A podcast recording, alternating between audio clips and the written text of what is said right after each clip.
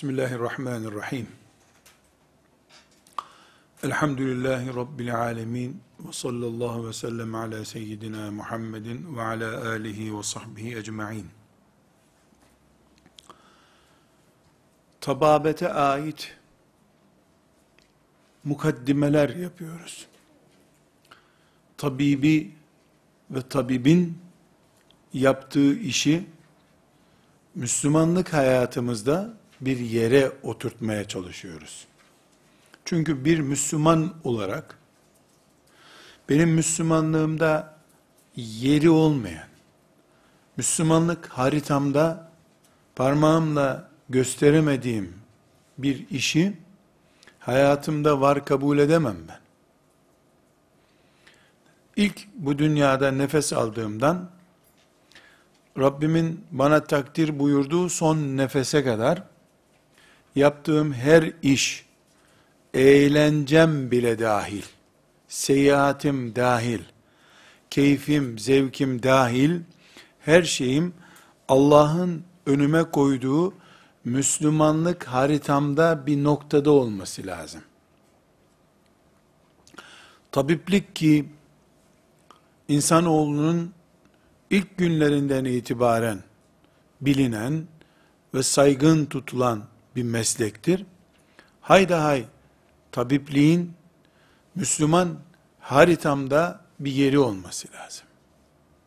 İster bayan tabip olsun, ister erkek tabip olsun. Ve tıbbın direkt ya da dolaylı hangi branşında olursa olsun, tıp meslek olarak icra edildiğinde, bu muhakkak benim haritamda, Müslümanlık haritamda bulunacak. Namazımın bulunduğu haritada bulunacak. Haccımın bulunduğu haritada bulunacak. Çünkü insanlar Müslümanlığı deyince mesela ahlakı uzaklara koyuyorlar. Yalan söyleyen birisine de Müslüman diyebiliyorlar. Halbuki ahlak Müslümanlığın içinde, haritanın içinde bir konu. Her ne kadar caminin namaz kılınan bölümü gibi ahlak şarj edilen bir bölümü yoksa da Müslümanlık ahlakı örnek olarak ele aldığımızda ahlakı kendinden görüyor. Ana haritasında ahlaka yer biçiyor. Tıp da insanlıkla ilgili temel kavramlardan birisi, temel insani uygulamalardan birisi olduğuna göre, hiç kimse İslam haritasında Müslüman hayatın profilinde bulunmayan bir tabiplikten söz edemez. Ederse bu tabipliğin yeri yok. Bu tabiplik bizim e, allah Teala'nın kulları olarak düşünebileceğimiz bir tabiplik değil. Bunun için biz tabiplik yapıp para kazanan veya tabiplikten iş sahibi olan bir Müslümanla ilgili hatırlamamız gereken gerçekler şunlar. Bir, şartları yerine getirildiğinde tabiplik ibadettir. Biz ibadet ne diyoruz? Allah için yapılan ve karşılığı Allah'tan beklenen işe ibadet diyoruz biz. Tabiplik ibadettir dediğimiz zaman çok net bir şekilde anlıyoruz ki tabip ücret alsa da para kazanıyor olsa da önlüğünü giydiği için başhekim, şef diye bir isimle bir yerde otursa da yani dünyevi geçimini sağladığı bir iş yapıyor olsa da tabip ibadet halindedir. Peki camide namaz kılan Müslümana ne dedik biz? E, ibadet yapıyor dedik. O zaman bir çelişki oldu mu? Hangi çelişki? Camide namaz kılana ibadet dedik. Muayenehanesinde oturup hastasıyla muayene için görüşme yapan doktora da hiç abdesti de yok, kıbleye de dönmemiş, seccade de yok önünde, ibadet yapıyorsun dedik. Çelişki mi bu? Hayır. Camide seccadede kıbleye dönmüş, abdestli, niyet etmiş, Fatiha'yı okuyor, zamm-ı okuyor, rükû yapıyor, secde yapıyor. Buna ibadet diyorum. E peki Ramazan'da oruç tutuyor, ibadet yapıyor mu? Yapıyor. Abdest mi alıyor? Kıbleye mi dönüyor? Seccadenin başında mı oruç tutuyor? Fatiha'yı mı okuyor? Yok. E nasıl namazda ibaret oluyor? Oruç da ibaret oluyor. Abdest şartı yok. Seccadenin üstünde oruç tutmuyor. Cevap diyoruz ki ibadet tek çeşit değil ki. İbadet Allah'ın razı olacağı, sevap vereceği bir işi yapmaktır. Bu camideki namaz o Allah'ın razı olacağı ibadetin bir çeşididir. Ramazandaki oruç başka bir çeşididir. Namazda takkeyi takıyorsun. Erkekler olarak söyleyelim. Ee, cübbeni giyiyorsun, şalvarını giyiyorsun. ibadet yapıp camide namaz kılacağım diye. Hacca giden takkesini çıkarıyor. Ceketini çıkarıyor. Gömleğini çıkarıyor. iç çamaşırlarını çıkarıyor. Üstüne sadece bir havlu gibi bir şey atıyor. Onunla hac yapıyor. İslam'ın beş temelinden bir tanesi cübbe giyilerek yapılıyor, şalvar giyilerek yapılıyor. Öbür beş temelinden bir tanesi de cübben, iç çamaşırın, çorabın, eldivenin, neyin varsa çıkarıp ancak yapabiliyorsun. Camide namaz kılarken e, şalvarın düşse avretin açıldı namaz bozuluyor.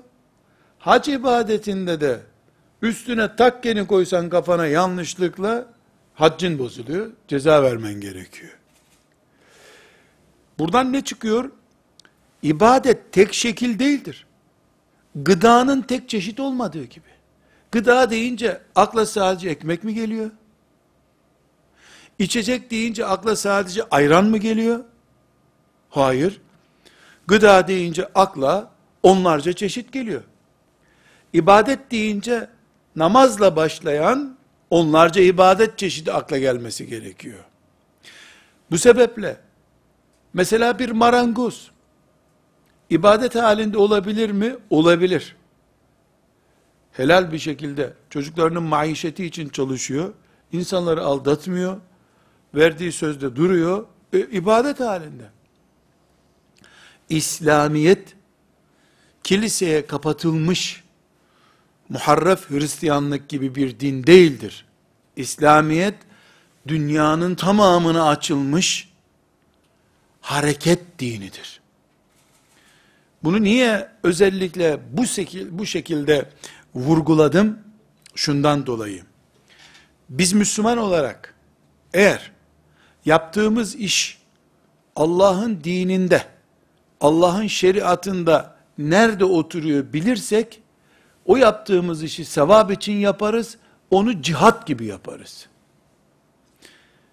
Uhud'daki sahabinin kazandığı cihadı, cihat sevabını, biz oturduğumuz yerde kazanabiliriz niyetimiz sayesinde ve niyetimizle beraber o şartların gerektirdiği işte haram kazanmamak, kul hakkına tecavüz etmemek, diğer farz ibaretleri ihmal etmemek gibi bazı şartlar var.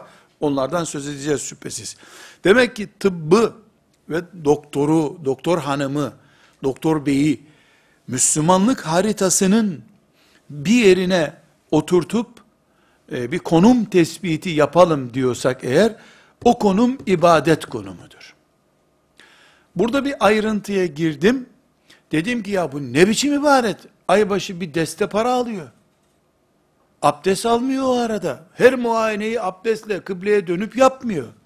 Halbuki biz ibadet deyince kıbleye dönüp, abdest alıp, seccadenin üzerinde namaz kılana ibadet diyorduk. Bu anlayış yanlış anlayış.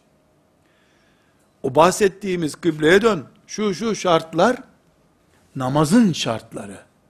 Namaz da ibadetlerden bir ibadet sadece. İslam'ın bütün ibadet dünyası değil.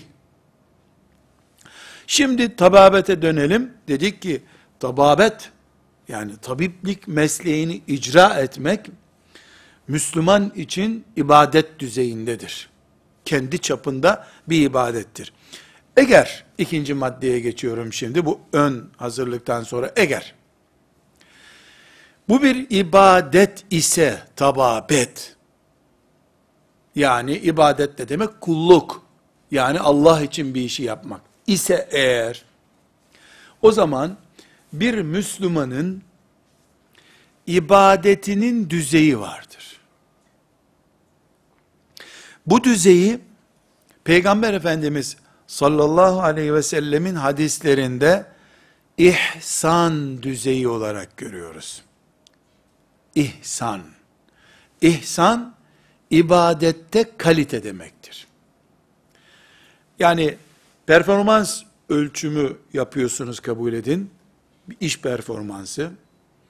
Buna bir puanlama veriyorsunuz. İşte 300 puan üzerinden mesela performans belirliyorsunuz. En üst düzey 300. 100'ün altına düşerse performansı sıfır kabul ediyorsun. O arada herkes değişiyor tabi. Kimisi 300 puanlık bir iş sergiliyor. Kimisi 280'de, kimisi 200'de, kimisi 260'da. Herkes kapasitesine göre, becerisine göre farklılık sergiliyor. Bizim e, tababet ibadettir dediğimiz zaman ibadetin de bir düzeyi olması lazım. Bu düzeyi Peygamber aleyhisselam Efendimiz bütün ibadetler için ihsan düzeyi olarak koymuştur. İhsan bir düzeydir ibadette. Nedir bu düzey? Müslüman bir insan Allah'ı görmüyor olsa bile Allah onu görüyor kalitesinde ibadet yapar. Bunu bizzat Peygamber aleyhisselam Efendimiz bu şekilde açıklıyor. Ben e, sizler Arapça e, bilmiyor olsanız da bu deyimin Arapçasını da belirteyim, telaffuz edeyim burada. E, zihin arşivinize koyun etkisi olsun diye. Yazabiliyorsanız da yazın. İhsan nedir soruluyor Peygamber aleyhisselam efendimize. Cibril hadisi diye meşhur bir hadis var o hadiste. Buyuruyor ki en ta'budallah ke enneke terahu fe in lem tekun terahu fe innehu yarake. En ta'budallaha ke enneke terahu fe in lem tekun terahu fe innehu yarake. İbadeti nasıl yapmak gerekiyor? İhsan düzeyinde. İhsan nedir? Allah'ı görüyor gibi iş yapmandır. Sen onu görmüyorsan da o seni görüyor.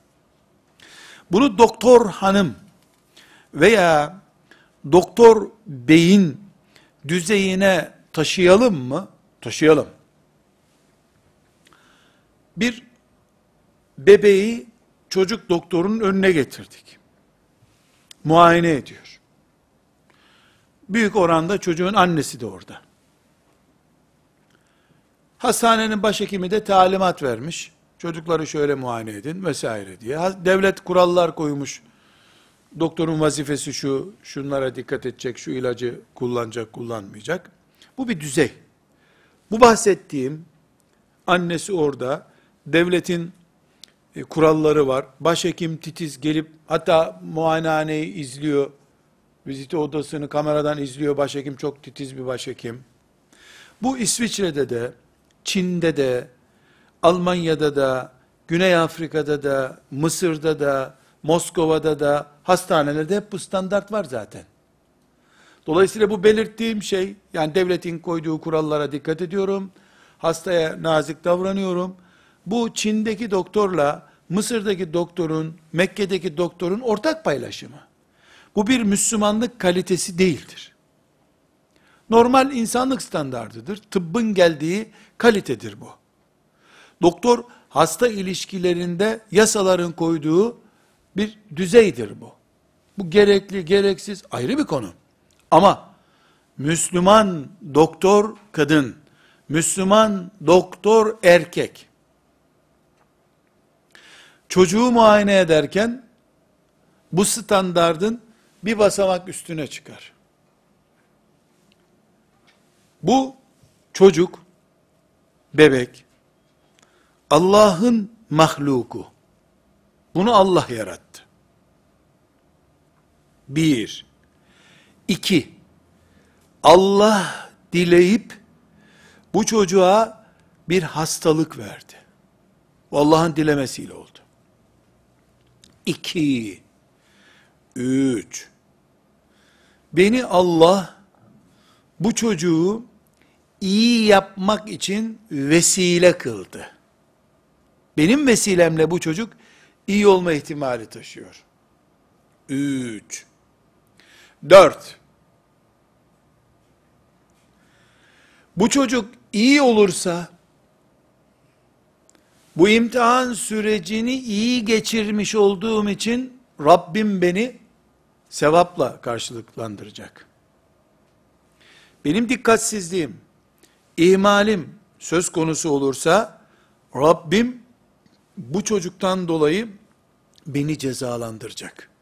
Beş, altı, altı. Şu anda ben bu çocuğu yanındaki annesini görüyorum sadece. Onlar da beni görüyorlar. Ama ben onu görmesem de Allah beni görüyor. Bir meslek hatası yaptığımda ben Müslüman doktorun standart doktordan farkını gözüyorum. Bir meslek hatası yaptığımda mesela çocuğun bağırsak işleyip bağırsaklarını işleyip işlemediğini de tespit etmek için bağırsaklarına elimi koyup hareketliliği ölçmeliydim. Tahminen ya yok bağırsağında bir şey dedim. Halbuki bağırsakları düğümlenmiş çocuğun mesela. Bu bir meslek hatası. Dikkatsizlik. Umumiyetle bütün dünyada o çocuğa bir şey olduğunda sakat kalma veya ölüm gibi şikayet söz konusu olursa büyük oranda bu benim gibi bir çocuk doktoru profesörüne gidecek şikayet. Mahkeme bilir kişi olarak onu kabul edecek. Daha büyük oranda adli tıbba gidecek. Umumiyetle doktor doktora anlayış gösterir. Çok yoğun da hastalar bakamamıştır der. Paçayı sıyırma ihtimalim çok yüksek. Çok dişli bir hasta velisine rastlarsak, çok siyasi bir kimliği olan, biraz sıkıştırabilir hani. Bu sefer de devlet sigortamı ödüyor zaten. Sigorta tazminatı öder, kurtulurum. Bu standart. Sadece bilir kişi şikayette bilir kişi tayin edilen benim gibi bir doktor olacağı için sorun yok. Düşünen anlayış. Sorun olsa da sigorta ödüyor zaten diyen denen anlayış. Müslüman doktor ise bu çocuğun Rabbi benimle beraber şu anda. Ve asla bilir kişiye havale etmeyecek beni yargıladığı gün. Beni bilir kişiye havale etmeyecek. Bilir kişiye havale etmek Sağlık Bakanlığı'nın görevi, mahkemenin görevi.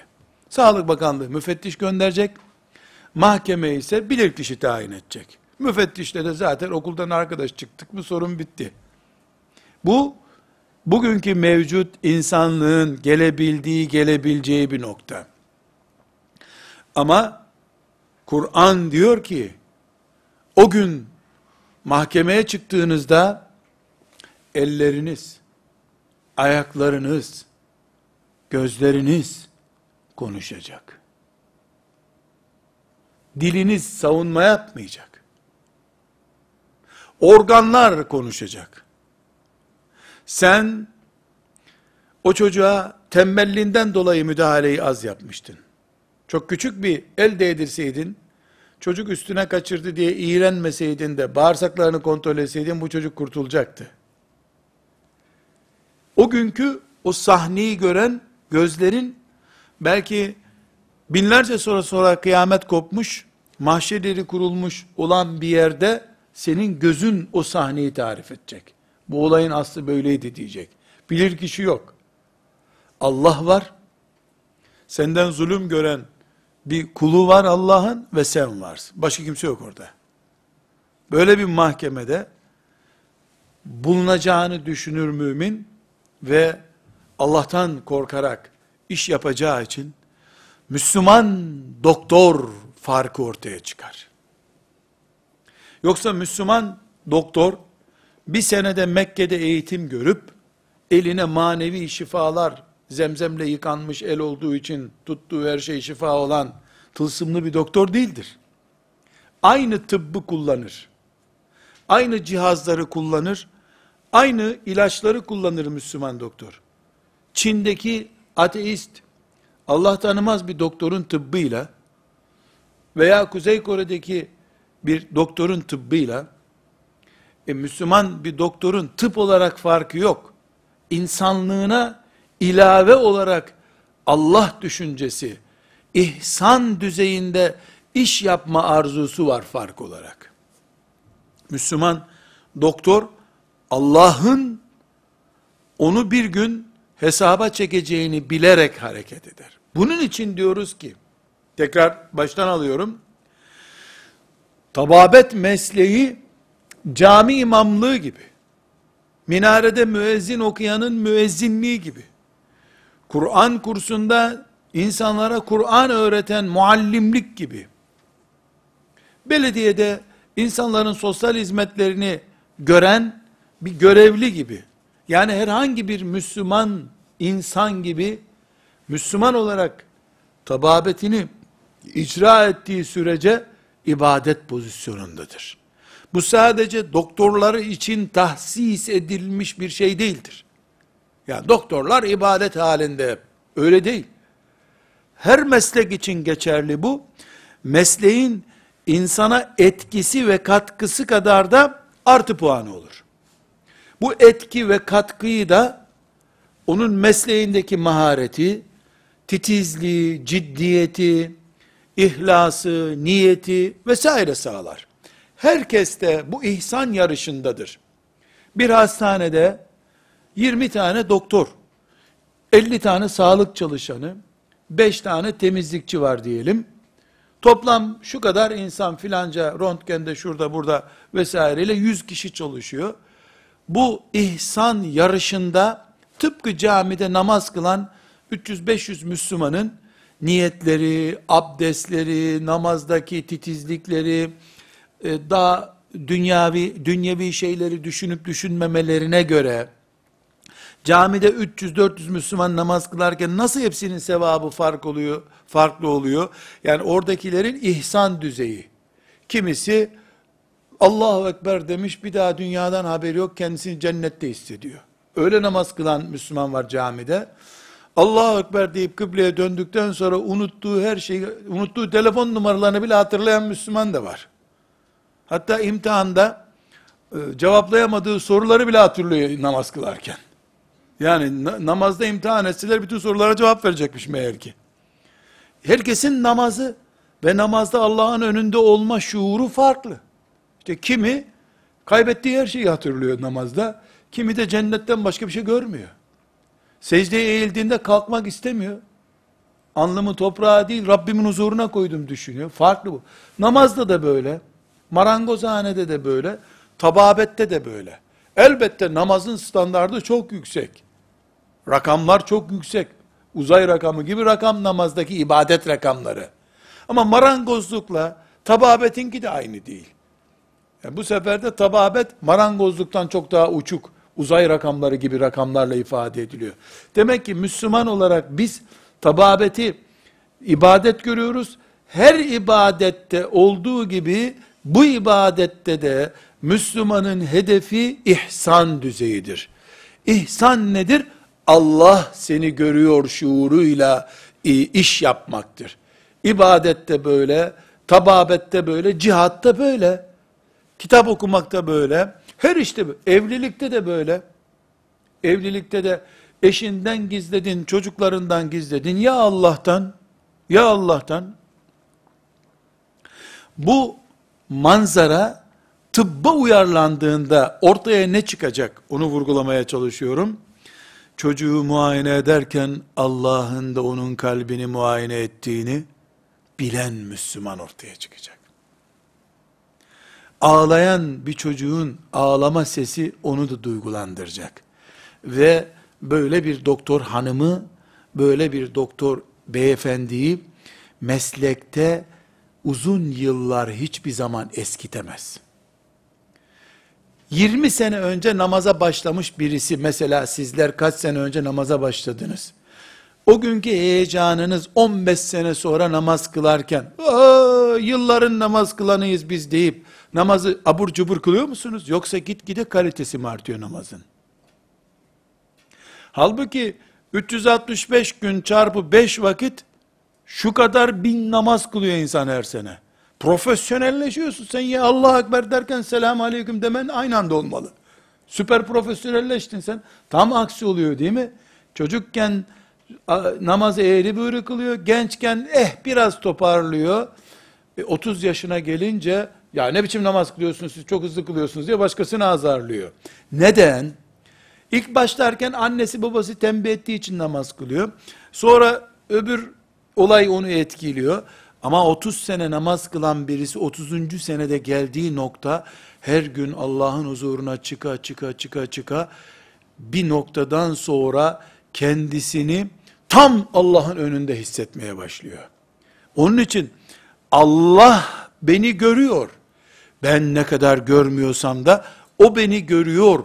Kalitesinde yapılan bir ibadet ne demektir? Git gide profesyonelleşen, eskimeyen, heyecan kaybetmeyen iş demektir.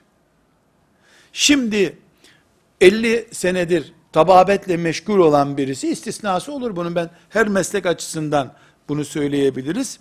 İmamlık da böyledir mesela. İbadet mantığıyla değil de memurluk mantığıyla yaptığında ilk imamlığa başladığında belki namaz 10 dakika kala camiye geliyordur. 20. E, senesinde nasıl olsa emekliliğimiz yanaştı diye ezan okunduktan sonra camiye geliyordur. Çünkü Allah görüyor diye değil, amiri görüyor diye yapıyordur o işi. Ona biz zaten ibadet, ihsan düzeyi sıfır olan bir ibadet bu. Şimdi doktor da asistanlıktan yeni kurtulduğunda önlük yeni giymiş, işte bir hastaneye bir bölüme e, uzman doktor olarak tayin edilmiş. Onun ilk günlerine heyecanı hastayla daha fazla ilgileniyor. Reçeteyi vermeden bir daha okuyor. Aman Allah'ım ya özel hasta zannediyorsun kendini. Yaşlı birine gidince sen muayene şikayetini anlatıyorsun o arkadaşıyla konuşuyor. Hemşireye bir şeyler anlatıyor. Önceki hastanın reçetesini yazıyor. Artık biz bu işte uzman olduk diyor. Rehavet basıyor onu. Hani yatmadan önce çok yorgun bir insan akşam böyle yatmadan önce e, ağzından laflar yarım çıkarak konuşur ya öyle bir sahne oluyor. Halbuki mümin, mümin, ihsan düzeyinde yani Allah beni görüyor düzeyinde doktorluk yaptığı zaman 20 sene sonra asistanlığı yeni bitirip diploma aldığı günkü heyecanına ilave bile yapmıştır o. Neden? Yaşlandıkça, ölüm ona biraz daha yaklaştıkça, ayetleri, hadisleri daha fazla dinledikçe, Müslümanlığı biraz daha bünyesine oturdukça takvası artacak. Takvası yani Allah korkusu, Allah umudu, cennet heyecanı arttıkça ihsan kalitesi artacak. Çünkü 20 yaşında bir çocuk Allah beni görüyor dediğinle 80 yaşındaki bir ihtiyar Allah beni görüyor dediği aynı değil. Biri Allah görüyor ama topa da vuruyor arada gol olsun diye. İhtiyar kendinin bir ayağını çukurda cehennemde hissettiği için Allah beni görüyor sözü dilinin titreyerek, dudağının titreyerek söylediği bir sözdür. Tabiplikte de Allah'la beraber olma heyecanı bir Müslüman doktor hanımın, bir Müslüman doktor beyin veya tıpla meşgul olan bir insanın, tıbbın alt dallarından biriyle meşgul olan birisinin yaptığı eylem bu mantıkladır. 20. senesinde, 25. senesinde o ilk günkü heyecanını taşıyordur. Çünkü imanı eskimiyor ki tababete bakışı eskisin. Yaşlı bir doktor yaşlandığı için imanından bir şey kaybetmiyor ki. İmanı daha da artıyor yaşlandıkça. Daha fazla vaaz dinliyor, daha fazla tefsir okumuş oluyor, hadis dinlemiş oluyor. O heyecan arttıkça ihsan düzeyi artıyor. İhsan düzeyi arttıkça da hastaya hem tecrübesini fazla kullanıyor, hem Allah beni daha çok görüyor, eskisinden daha fazla düşündüğü için hizmet kalitesi de artıyor. Şimdi burada tabii özellikle e, doktor adayları olarak belki e, yani Aa, ne yapıyoruz biz burada tasavvuf dersi mi görüyoruz diye düşüneceksiniz ama ben sözlerimin başına sizi geri götüreceğim. Ne dedik? Ben hangi mesleği icra ediyorsa olayım olayım. Uzay adamı olayım. Toprak adamı olayım. Maden adamı olayım. Ne olursam olayım. Benim yaptığım iş Müslümanlık haritamın bir yerinde olması lazım. Müslümanlık haritamda bir yere oturtamadığım bir iş benim işim olamaz. La ilahe illallah Muhammedur Resulullah cami sloganı değil, hayat sloganıdır. Hayatımızın şeklidir. Camide hayye ala salah yazar. Çünkü la ilahe illallah Muhammedur Resulullah demeyenlerin camiye girmesi yasak zaten. O kelimeyi tevhidi söylemeyen camiye giremez ki. Camiye hayye ala salahtan başka slogan yazılmaz. As-salatu hayrun minen nevm yazılabilir. Hayye alel felah yazılabilir. La ilahe illallah Muhammedur Resulullah müminin alnında yazar. Alnında o yazdığı için zaten hayye alel felah denince camiye gidebilir. Biz ümmeti Muhammediz. Dinimiz hayat içindir. Uzay için, okyanuslar için, kara parçaları içindir. Bütün ırklar içindir. Böyle bir dinin iman edenleri olarak elhamdülillah tıbbı bu itikadımızın, Müslümanlığımızın bir yerine oturturuz. Tababeti konuşuyorsak, marangozluğu dediğim gibi konuşuyorsak, marangozluğu da bir yere oturturuz. Ondan sonra da Müslümanlık haritam neyi gerektiriyor? İhsan düzeyinde çalışmayı gerektiriyor. Onu yaparım. Burada bir hadisi şerifi hepinizin e, hafızasına nakşedeceğim. Ancak bu konunun çok iyi anlaşılmasını istiyorum. İnşallah siz bu şuurla yetişeceksiniz. Temennimiz budur. Siz bir gün tıp hocası olduğunuzda talebelerinize bu şuuru vereceksiniz. İnşallah hastalarınıza bu mantıkla bakacaksınız. Emekli olsanız da bir gün cami imamlığından emekli olmuş birisi gibi sizin kazdığınız e, kuyulardan fışkıran sular size rahmet getirecek Allah'ın izniyle. Ama bunu kaybedenler maaşı kadar veya forsu kadar ya da devletin mecbur ettiği kadar tababet icra ederler ki bu günah değilse de şüphesiz bu düzeyde olmamak haram değil, günah değil ama bir kayıp. Ahiret açısından büyük bir kayıp. Yani hem doktor olup beyaz önlüğünle çocuk muayene edip sevap kazanmak varken e niye sadece doktor olarak mesela şu sözü söyleyesin. Elhamdülillah 30 sene hastanelerde çalıştık. 1 lira 1 lira kaçırmadım hiç. Yakın bir dönemde bir hemşire hanım bir soru sordu. Bir hem zihnimiz dinlensin, bir anekdot olarak siz de bir kenara yazın. İşte belli bir yaşta emekli olmuş. E, emekli olduktan sonra e, eşi ya ben tövbe edip umreye gideceğim. Gel tövbe edelim, umreye gidelim demiş. Bilen bu onların e, Müslümanca yaşamaya dönüşü olmuş. Müslümanlığa dönüş demiyorum. Öncesi gavur değil çünkü. Müslümanca yaşamaya karar vermişler. Hakikaten e, ihtida etmişler. Güzel bir süreç başlamış. Fakat e, umreden döndükten sonra e, hemşire hanım e, psikiyatrik hasta oluyor. Ciddi bir rahatsızlık sürecine giriyor. İşte uzun bir e, tedavi maratonu, hiçbir e, sıkıntı, gerekçe yok ortada. Yani bir de hemşire de olsa tıp insanı bu. Yani doktorun dilini anlıyor en azından. Sonra e, yanlış bir tespit ama olayı ben size anlatıyorum. Bir hocaya git okun demişler, seni Mekke'de cinler çarptı. Subhanallah İstanbul'da çarpmıyor, cin de Mekke'de çarpıyor. Sen Umre'ye gittin, seni cinler çarptı e, demiş. E, o bir hocaya gitmişler.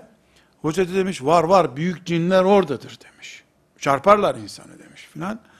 Ücretini aldı neyse fakat O bağladım cinleri sana daha bir şey yapmayacaklar dediği halde kadın iyi değil. Neyse kadıncağız e, başka bir hocaya götürmüşler. Bir kere Mekke'de cin çarptı inan, inandılar ya. Hoca bakmış ki önceki hoca da iyi edemedi bunu. Bu da başıma bela olacak. Ya demiş ki sen tövbe etmeden mi gittin Mekke'ye? O da neyim vardı ki tövbe edeceğim filan gibi diyesi olmuş. E, Eşine demiş ki o hoca olan kişi, ya tövbe etmediyse bunu ibadet çarpmıştır, cine gerek yok. Bunu Kabe çarpmıştır zaten derken eşi e, rica etmiş. Hanım bana anlat ne olursun demiş. Bir geçmişinde ne var senin? Yani şu kadar sene sen insanlara iyilik yaptın. Bir hasta mı öldürdün?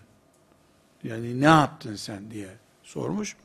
Neyse kadın sonunda e, demiş ki ya ben her gittiğimde hastaneden her gün eczaneye pamuk bir şey götürürdüm. Komşu eczaneye veriyormuş. Yara bandı kutuyla alıyor, hastaneye götürüyor. Sonra hastalara diyor ki hastaneden bant getirin, bant kalmadı hastanede diyor. Devletin malını hastaneye satıyor, para kazanıyor. Şey, eczaneye satıyor, para kazanıyor. Eczaneden tekrar para alıyor. Bu sistemle evde almışlar. İyi bir hemşire demek ki. Yani iyi. Oturdukları evi de böyle almışlar. Maaşı da var şüphesiz ama yani Şimdi bana intikal ettiği nokta burada nasıl helalleşeceğiz biz? Tövbemizi nasıl yapacağız? Kadın kabul etmiş. Ben dedim ki bir kere Allah'a şükredeceksiniz. Demek ki Kabe'ye gidişiniz samimi fakat bir e, kirlilik var ortada. Çevre kirliliği diyelim. Bir kirlilik var. Allah senin e, ahirete böyle gitmeni istememiş. Bana bir rakam çıkarabilir misin? Hastaneden kaçırdıkların ne kadar olabilir? Çok zor yani baktım o rakam çıkması mümkün değil. Ya dedim ortalama günde bir bant bir pamuk kaçırdın olabilir mi dedim. O kadar da değil ya pamuk ya bant dedi. Yani bir şey kaçırıyor ama hemşire lazım olan şeylerden bir şey kaçırıyor. Eczaneye götürüyor. Eczacıyı da yakmış kendi de yanmış tabii. Ya dedim toplam senin çalıştığın günlerin hepsine birer bant sayalım dedim. Bunları rakamla kendini böyle devlet kurumu gibi bir kuruma mesela devlete sayılabilecek bir vakfa götür bunları ver. İnşallah iyi olur, ıslah olur. Bundan sonra da ibret olsun sizin için dedim. Bu tabi ahirette ne olacak bilmiyorum.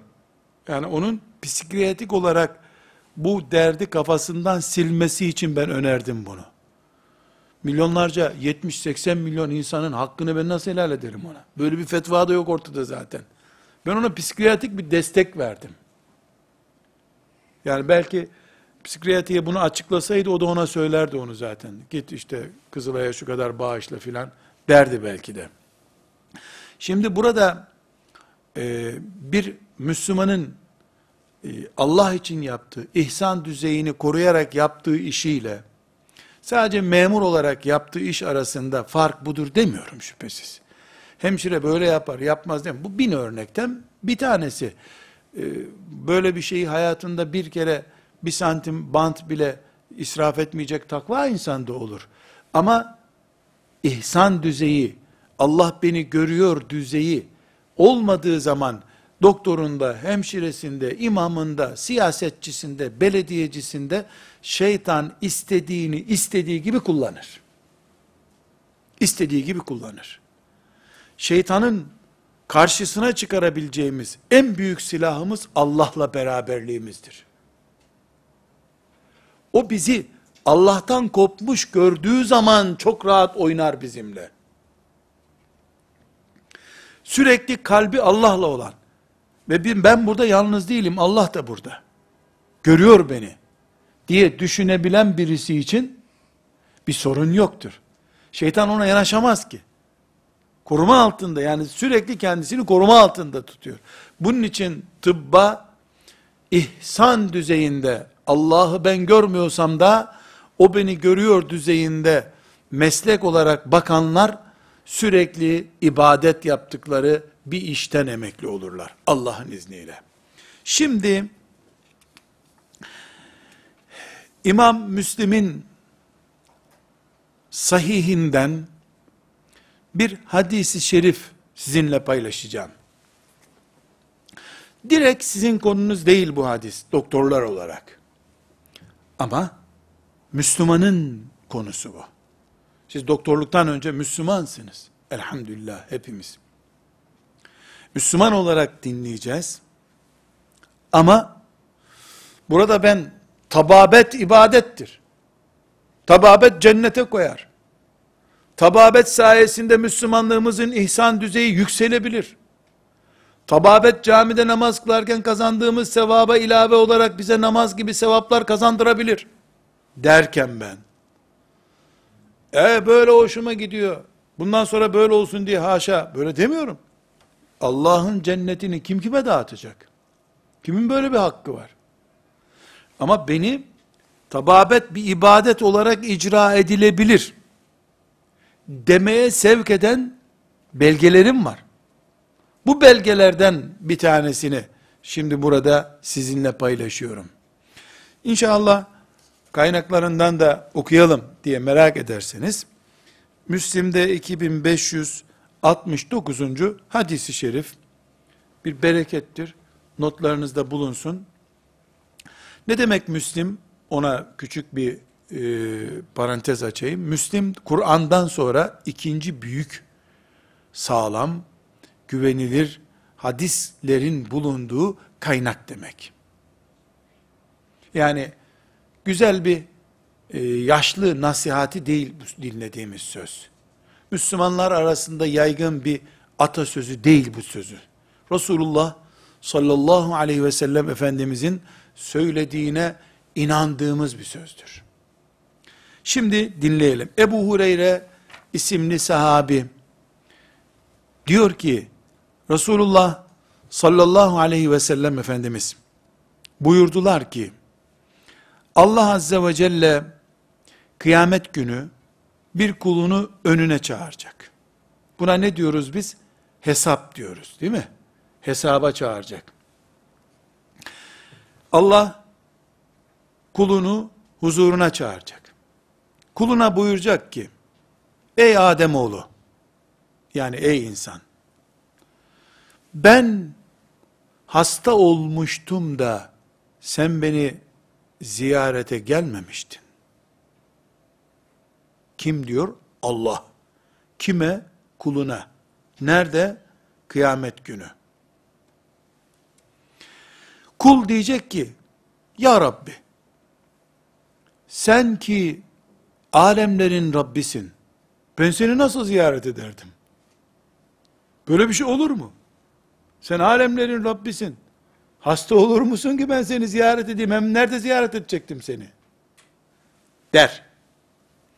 Allah buyurur ki Celle Celaluhu. Sen bilmiyor musun filan yerdeki o senin komşun kulum hastaydı. Sen onu ziyaret etmemiştin. Eğer o gün o hasta kulumu ziyaret etseydin, beni orada bulacaktın. Araya benim cümlelerimi serpiştir, serpiştirdim. Tekrar edeyim, not tutuyorsanız o şekilde tutun. Ebu Hureyre radıyallahu anh diyor ki, Resulullah sallallahu aleyhi ve sellem şöyle buyurdu. Allah azze ve celle kıyamet günü kuluna şöyle diyecek kullarından birine şöyle diyecek. Ey Ademoğlu ben hasta olmuştum sen beni ziyaret etmemiştin. Kul diyecek ki ya Rabbi sen alemlerin Rabbisin ben seni nasıl ziyaret ederdim? Allah buyuracak ki senin yakınında filanca kulum hasta olmamış mıydı? Sen onu ziyaret etmemiştin. Eğer o gün onu ziyaret etseydin, beni onun yanında bulacaktın. Bu hadis nerede dedik? Sahihi Müslim'de. Bu hadisi şerifi tabii ki peygamber sözü olarak dinliyoruz. Dedim ya atasözü gibi dinlemedik. Kur'an'dan sonraki en güçlü kaynaklarımızda bulunan bir söz olarak dinledik. Bir şüphemiz yok peygamberimiz böyle buyurdu sallallahu aleyhi ve sellem. Buradaki konu doktor konusu değil. Bir Müslüman hasta olmuş, öbür Müslüman onu ziyaret etmemiş. Allah da o ziyaret etmeyen kulunu kınıyor. Ben hasta oldum diyor. Sen nasıl hasta olursun ya Rabbi diyor. Allah ne buyuruyor? Filanca kulum hastaydı. Senin ziyaretin gerekiyordu. Sen ziyaret etmedin. Etmeyince bana karşı suç işledin. Şimdi müftü efendi olmaya gerek yok. Ama tefekkür eden insanlar olarak şunu çok rahat düşünebiliriz değil mi? Hasta tedavisi söz konusu değil. Hasta ziyaretini Allah ne olarak görüyor? Kendisine karşı yapılmış veya yapılmamış bir iş olarak görüyor.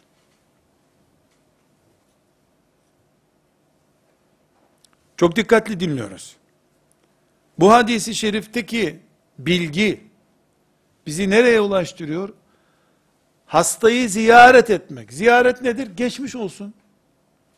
Size yardım edebileceğim bir şey var mı? Gittiniz mi doktora? Yok sağ ol. Ee, size manavdan bir şey getireyim mi? Yok teşekkür ederim çocuklar getirdi. Allah geçmiş etsin güle güle. Hasta ziyareti bu. Hastaya psikolojik destek başka bir şey değil. Zaten çocukları onu doktora götürüyorlar. E zaten doktor muayene etmiş. Ama eve kapandım diye bir gariplik hissediyor. Bu garipliğini gidermek için ona sosyal bir destek gidip ziyaret ediyor. Üç dakika beş. Zaten fazla oturmak yasak hastanın yanında. Efendimiz sallallahu aleyhi ve sellem hastaları ayakta ziyaret edermiş. Yanında oturup hastayı meşgul etmesin diye. Yani demek ki hasta ziyareti bilemedin, bilemedin, bilemedin 10 dakikadır. 12 dakika olmaz. Caiz değil fazla oturmak zaten. Hastanın sıkıntısı var. Ev halkı bunalmıştır. Her gelen öyle oturursa uygun olmaz. Bakmayın hastanelerde şimdi çay içmek için, muhabbet etmek için, hastaya götürdükleri pastayı beraber yemek için. Onlar hasta ziyareti değil. Hasta ziyareti şovu onlar. Bahsettiğimiz konularla ilgisi yok. Şimdi bu hadis Peygamber Efendimizin sözü. Bunu kim adına söylüyor Peygamberimiz? Allah adına söylüyor. Çünkü Peygamber Efendimiz Aleyhisselam kendi adına bir şey konuşmaz ki. Bunu Allah'ın adına söylüyor. Peki Allah adına söylüyor Peygamberimiz. Ne söylüyor? Ne söylüyor? Hasta ziyareti veya ziyaret edilmemesi Allah'ın kıyamet günü hesabını soracağı bir şeydir. Çünkü kulunu kovuşturuyor Allah. Niye? Niye ziyaretime gelmedin diyor.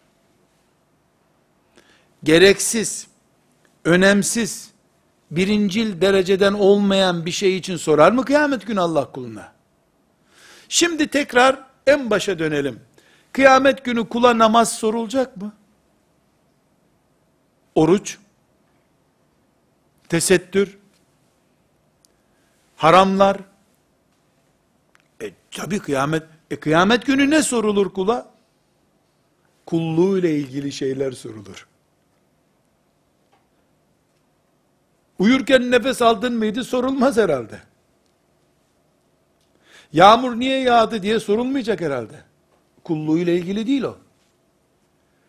Peki kıyamet günü Allah kuluna hastaydım bana gelmedin diyecekse o zaman cuma ezanı okundu camiye niye gitmedin sen? Der gibi bir şey değil mi bu? Tıpkı cuma namazına niye gelmemiştin sen? Der gibi Allah soracak. Neyi ama? Ziyareti. Şimdi doktorlar olarak sizler bir 15 dakika önce konuştuk ya bir bebeği muayene ediyor doktor. Bunu yaratan Allah bilerek hasta etti. Beni de vesile kılmayı murad etti ve bu çocuk önüme geldi. Ezan okundu, Allahu Ekber öğleyi kılıyorum der gibi o çocuğu muayene eder. İhsan derecesini yakalayabilmek için. Müslüman doktor farkı konuşuyoruz. Bu farktan dolayı biz geri gelelim şimdi. Ziyareti kıyamet günü böyle bir sorgulama nedeni olan hasta doktor için nedir acaba? Ziyaretçi bu şekilde etkiliyor. Doktoru nasıl etkiliyor? Bunun cevabını inceleyebiliriz. Ne buyurmuştu Efendimiz sallallahu aleyhi ve sellem? Ziyaret yapmayan kula Allah ne diyecek demişti? Ziyaretine gitseydin kulumun beni onun yanında bulacaktın. Ne demek beni onun yanında bulacaktın? Şimdi hesabını sormayacaktım sana. Allah'ı ziyarete geldin gibi olacak, sevap kazanacaktın. Allah'ı ziyaret nerede yapıyoruz biz? Kabe'nin etrafında. Hac ibadetinde, umre ibadetinde, Beytullah'ın etrafını dönüyoruz. Ziyaret eden için geçerli bir parola bu. Peki, üç senedir kıvrandığı sancısından doktorun özel ilgisi ve gayretiyle kurtulan bir hasta. Hastaneden çıkarken Allah'ım bu dertlerden beni kurtarmaya vesile kıldığın doktoru da sen cehenneminden kurtar. Hayatına bereket ver demesinin karşılığı nedir acaba? Hastayı ziyaret eden Allah'ı o hastanın yanında buluyorsa mecazi olarak. Doktor ne buluyordur sizce? Şimdi ben bu mübarek hadisi şerifi böyle gözlerimle okuduğum halde doktor ibadet pozisyonundadır. Seccadesi serilmiş, abdesti alınmış, kıbleye yönelmiş olmasa bile doktor ibadet halindedir desem, dedim, abarttım mı? Bir hastanın ziyaretine gitmemeyi Allah beni bulamayacaksın sen şimdi. Ben o hastanın yanındaydım. Hastanın gönlü benim rızamdı diyorsa eğer. Doktorun kaybettiği şeyler ve kazanacağı şeyler nelerdir? Herhalde bunu anlayabiliriz. Doktor 50 tane hastayı velev ki kafir olsun 5 tanesi. Velev sarhoş olsun. Velev terörist olsun. 50 tane hastayı bir günde muayene ettiğinde, tedavisiyle meşgul olduğunda 50 kere Allah'ı yanında buluyor demektir.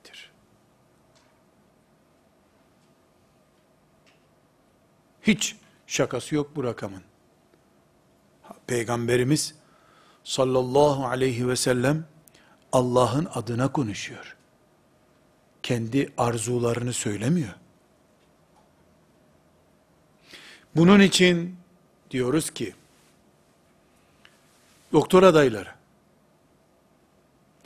farkındayım, iki şey sizi kavuruyor. Kavurmanın içindeki yağ gibi kavuruyor sizi. Birisi, doktor sözlerinin saygın bir şekilde sizin kulağınıza gelmesi. Yani toplumun size takdir etmiş olduğu force, meslek forsu. İki, maaşınızın en yüksek bürokrat maaşından daha yüksek olması. Girdiniz. Para girdisi. Bu iki şey kesinlikle ne olursan ol, hele talebelik sürecinde yok öyle şeylerle ilgim benim, üstelik ben insanlara maaş vermeyi düşünüyorum deseniz, kimseyi buna inandıramazsınız. Çünkü bütün toplumlarda, Müslüman olsun veya olmasın, bütün insanların hürmetle karşıladığı bir mesleğin onuru da vardır her şeyden evvel. Bu onur bir miktar force da getirir beraberinde. Bu kibre dönüşmediği sürece hiçbir sakıncası yoktur. Hiçbir sakıncası yok. Yeter ki kibirle kaynaşmasın bir yerde. Bu iki şey, force ve para. Bu anlattığım ihsan düzeyinde doktorluğa hiçbir engel yoktur. Hiç ama. Bir asgari ücretli mesela 2000 lira aylık alıp çalışıyor. Doktor da 22 bin lira aylıkla çalışıyor. 10 kat farklı. Bu ihsan düzeyi devam ettiği sürece, bu kalite korunduğu sürece, ibadet açısından bir engellik yok ortada. Bu Allah rızasını, Allah beni görüyor gibi, ben onu görmüyorsam da o beni görüyor, şuuruyla, yapmadıktan sonra, Kabe'de imam olsa insan ne kazanır? 30 sene Kabe'de imamlık yapmış, ama bu Allah beni görüyor, Kabe'sinin dibinde namaz kıldırıyorum ben, kalitesi, heyecanı taşımayan birisi, yani en iyi ihtimalle, en iyi ihtimalle kıldığı namazlar kabul olmuştur o kadar. Daha ötesi yok. Mesele Kabe'de imam olmak meselesi veya hastanede bir cerrah olma meselesi değil. Mesele kulun Allah ile bağlantı düzeyidir.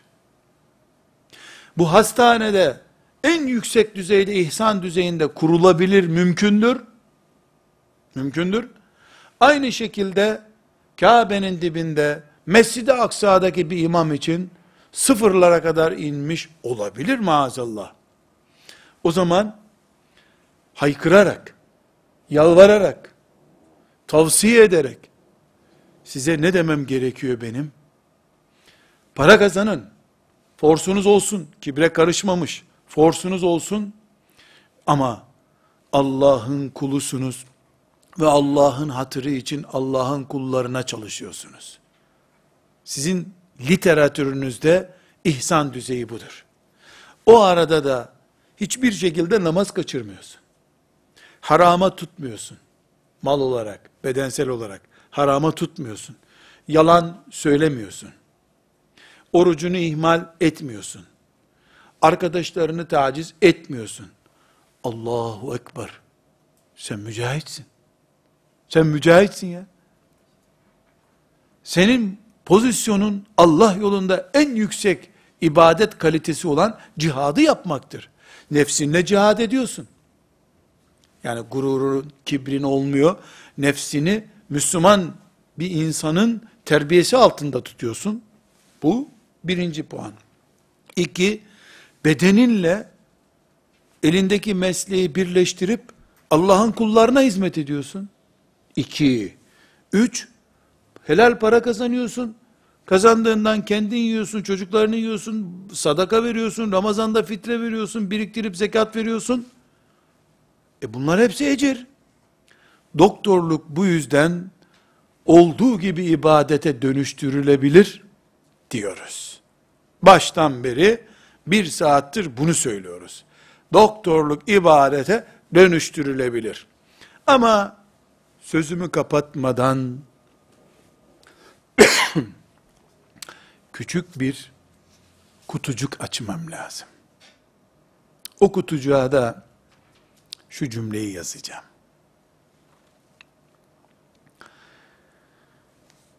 Kalite arttıkça sorun azalmaz. Sorun da artar. Hiç kimse 200 liralık cep telefonunu düşürmekle 2000 liralık cep telefonunu düşürmeyi aynı risk olarak görmez. 2000 liralık telefon düşerken bozulur zaten. Çok hassastır. Şurası kırılır, burası dengesi bozulur. 200 liralıkla çekiç olarak da kullanabilirsin, bir şey olmaz ona. Değer arttıkça sorun artar. Risk artar. Bunun için Kabe'nin imamı olarak namaz kıldıran bir imam efendinin hatasıyla Anadolu'nun bir köyünde üç kişiye namaz kıldıran bir imam efendinin hatası aynı mı? Aynı şekilde filan mesleği atölyesinde icra eden demir ustası, marangoz ustasının hata ihtimaliyle şeytana alet olma ihtimaliyle bir doktorun şeytana alet olma ve bu ibadet kalitesini yıpratma riski aynı değil. Doktor daha basiretli olacak. Daha dikkatli olacak. Herkes kul ama bu kul farklı bir kul olmalı. Hani derler eskiler, imamın sarığı beyazdır, beyaz leke kaldırmazmış. Aslında imamın sarığı, doktorun önlüğü beyazdır, ikisi de leke kaldırmaz desek çok iyi anlaşılır bu. Ve sallallahu ve sellem ala seyyidina Muhammedin ve ala alihi ve sahbihi ecma'in velhamdülillahi rabbil alemin.